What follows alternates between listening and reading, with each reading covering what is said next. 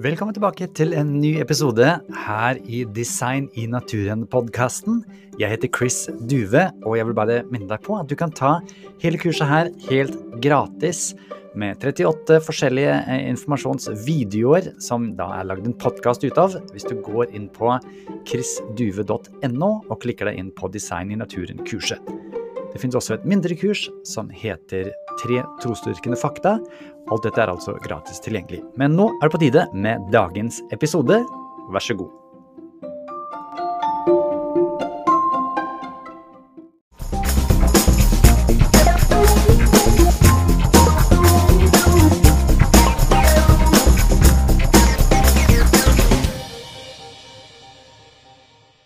Velkommen til modul nummer åtte.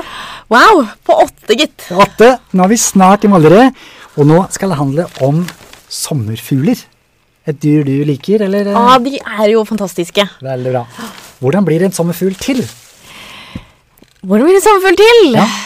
Eh, den, altså, sånn, den går jo fra å være en larve til å bli en sommerfugl. Det er riktig. Og hva skjer imellom der?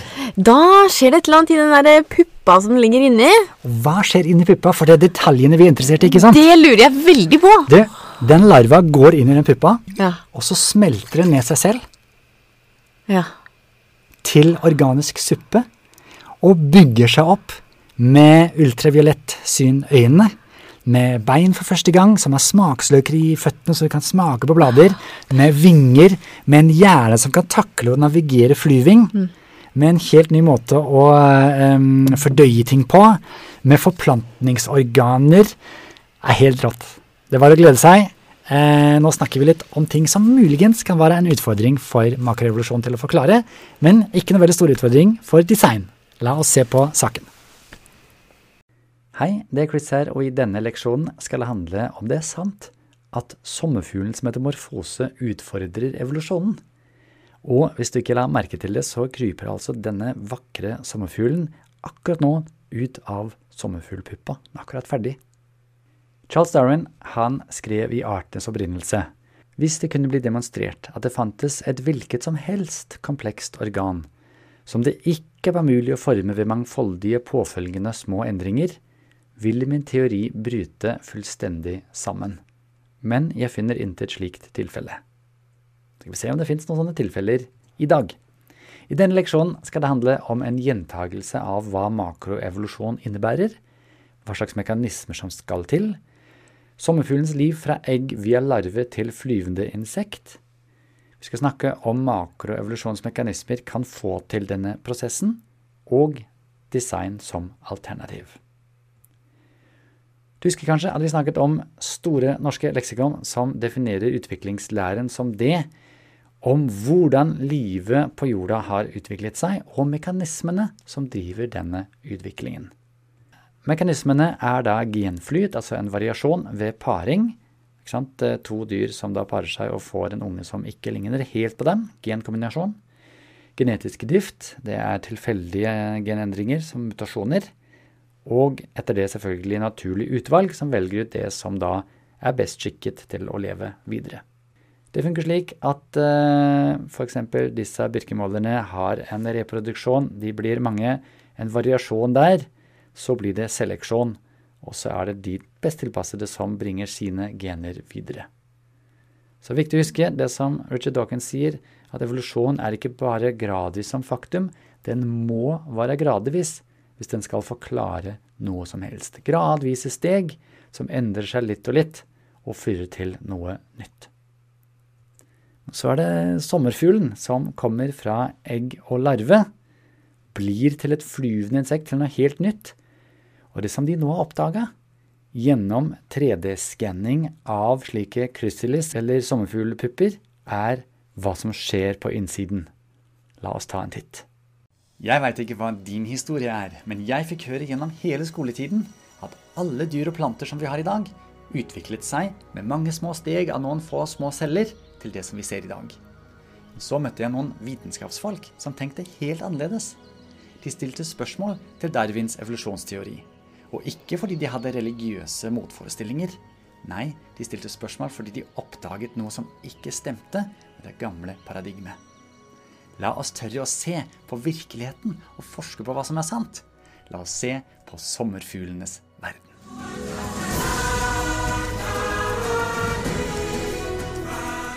Sommerfugler begynner sine liv som egg, som må bli plassert på nøyaktig riktig plante, ellers vil larven dø av matmangel. Denne lille spisemaskinen kan øke sin fødselsvekt 3000 ganger i løpet av to uker. Den skifter ut huden sin ettersom den gror, og spinner til slutt et silkefeste der den klyper seg fast. In a metamorphic insect, what you've got is two body plans. You have to first form one functional body plan, and then you have to switch gears and you have to take and form a new body plan. Metamorfose er navnet på prosessen der en larve forandrer seg til en sommerfugl. Det er i dag mulig å skanne innsiden av en sommerfuglpuppe for å se hva som skjer i overgangen fra larve til flyvende insekt. For første gang kan mikroskopets bilde bli bygd sammen til en 3D-modell av prosessen, der vi ser hvordan sommerfuglen tar form på innsiden av en puppe.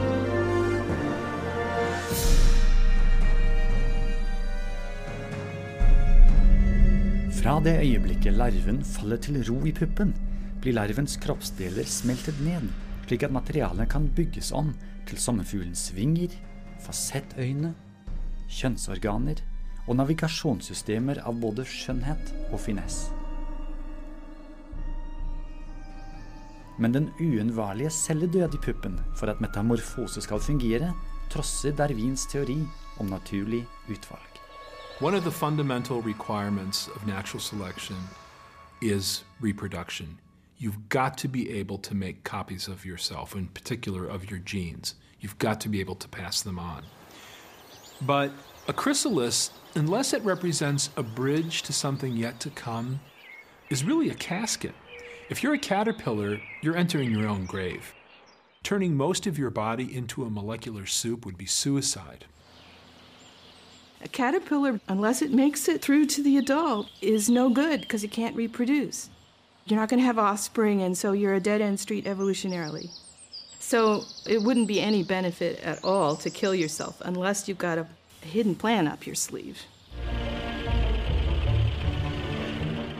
For å synliggjøre denne transformasjonen kan vi sammenligne metamorfose med en modell til Ford, som bygger sin egen garasje rundt seg.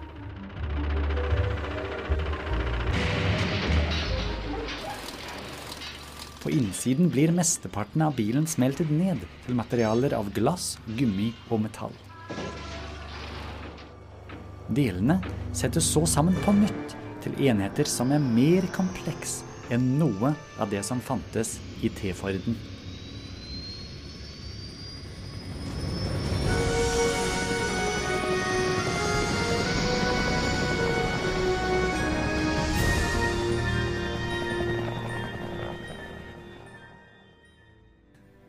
Vi blir fortalt at utviklingslæren er grunnlaget for moderne biologi.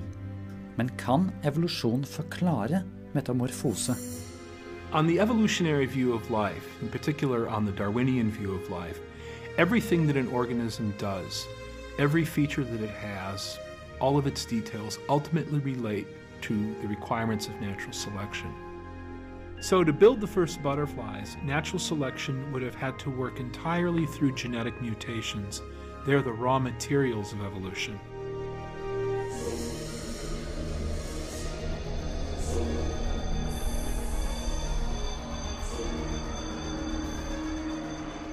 Teorien om naturlig utvalg hevder at ansamlingen av mange mutasjoner over lang tid er motoren som får fram alt komplekst liv på jorden.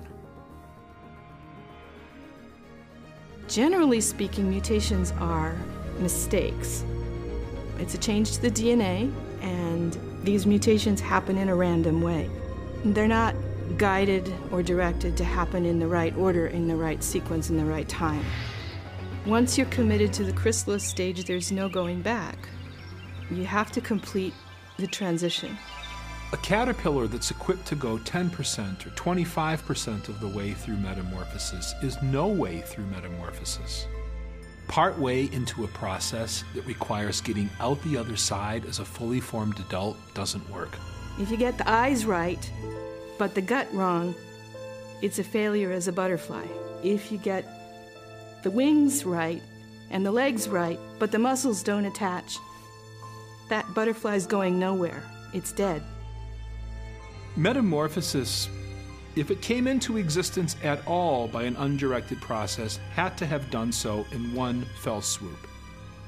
Natural selection, by definition, I would say, cannot build that kind of process.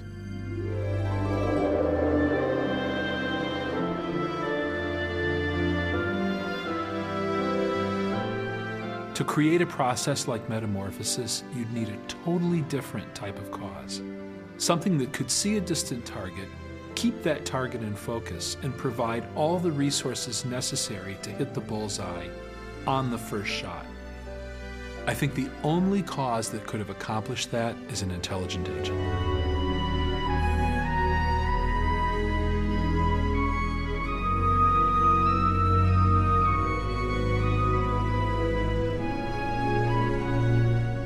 As human beings, we have a unique gift that enables us to evaluate evidence and then arrive at logical conclusions. That's what science is all about. When you see certain effects in nature, it's your responsibility as an investigator to find the cause that will explain the effect.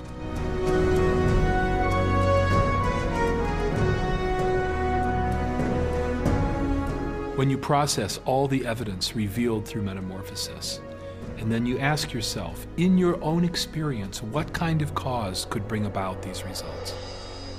I think the only reasonable answer is an intelligence that transcends the natural world. A designer with foresight and a sense of engineering and artistry.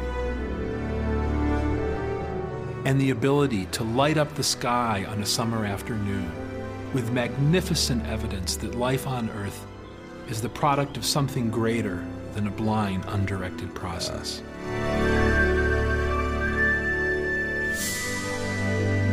Det skal være lov å stille spørsmål. Det skal være lov å tenke nytt. Og da blir spørsmålet hva tenker du? Takk for din tid.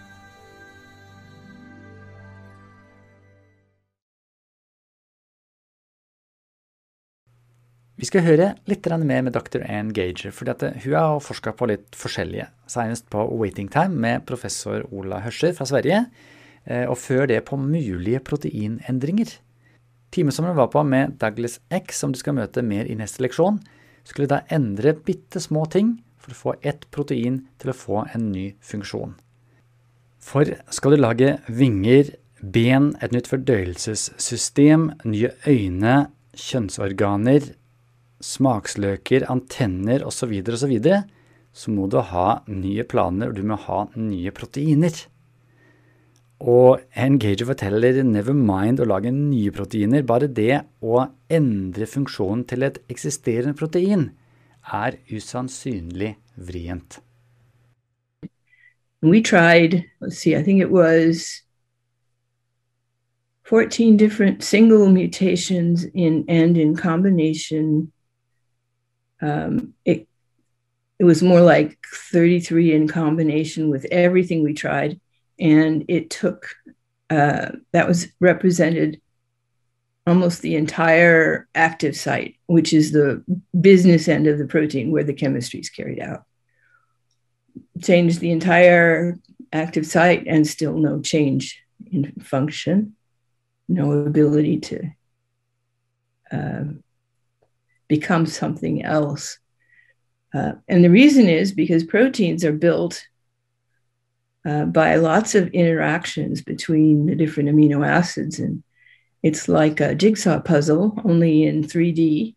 And you can't force the wrong piece into the wrong slot. It, and if you do change a bunch of amino acids, the chances are you're just going to make a useless protein.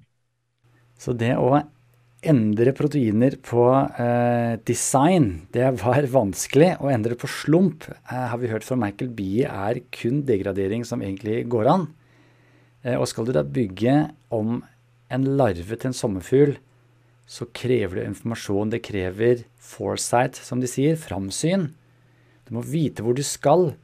Fordi er du halvveis inn i den eh, puppa og smelter ned deg selv og bygger bare halvveis, så får du ikke formert deg etterpå. Så dette her er noe som må bli til med design og ferdig laga, eller ikke i det hele tatt. Men som du vet, så fins sommerfugler på ekte, og derfor fins også design.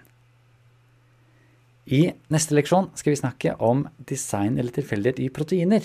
Og dr. Douglas X han har noen fantastisk fine eksempler for å forklare hvordan et tall som er så høyt som 10 i 77. kan forstås med alfabetsuppe. Så det er bare å glede seg. I denne leksjonen har du lært at eh, makroevolusjon må gå gradvis i små steg ved mikroevolusjon. Du har mutasjoner og naturlig utvalg som mekanismer, paring også, og der skal det oppstå nye ting. Men fra larve til sommerfugl via nedsmelting kan man ikke utvikle gradvis. Fordi en kvart sommerfugl ikke kan formere seg. Den må bli helt ferdig, den må kunne fly, den må kunne ha ferdig fordøyelsestrakt, ferdige kjønnsorganer, og da er det håp.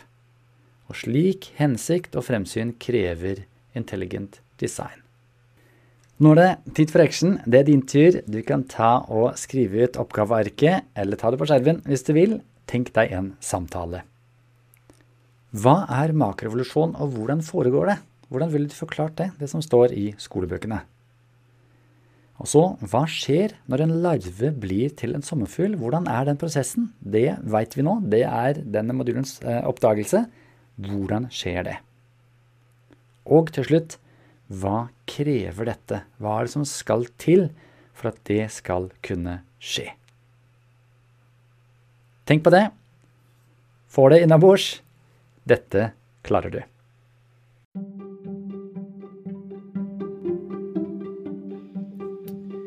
Igjen, dersom du ønsker å få tilgang til de hjelpearkene eller oppgavearkene, så er det jo fullt mulig for deg å signe opp til kurset. Da går det an å laste det ned hvis du går inn på chrisduve.no så ser du all informasjonen der. Dersom du ønsker å støtte denne podkasten og annet arbeid som jeg holder på med, kan du også lese mer om det på kristduve.no. Takk for nå.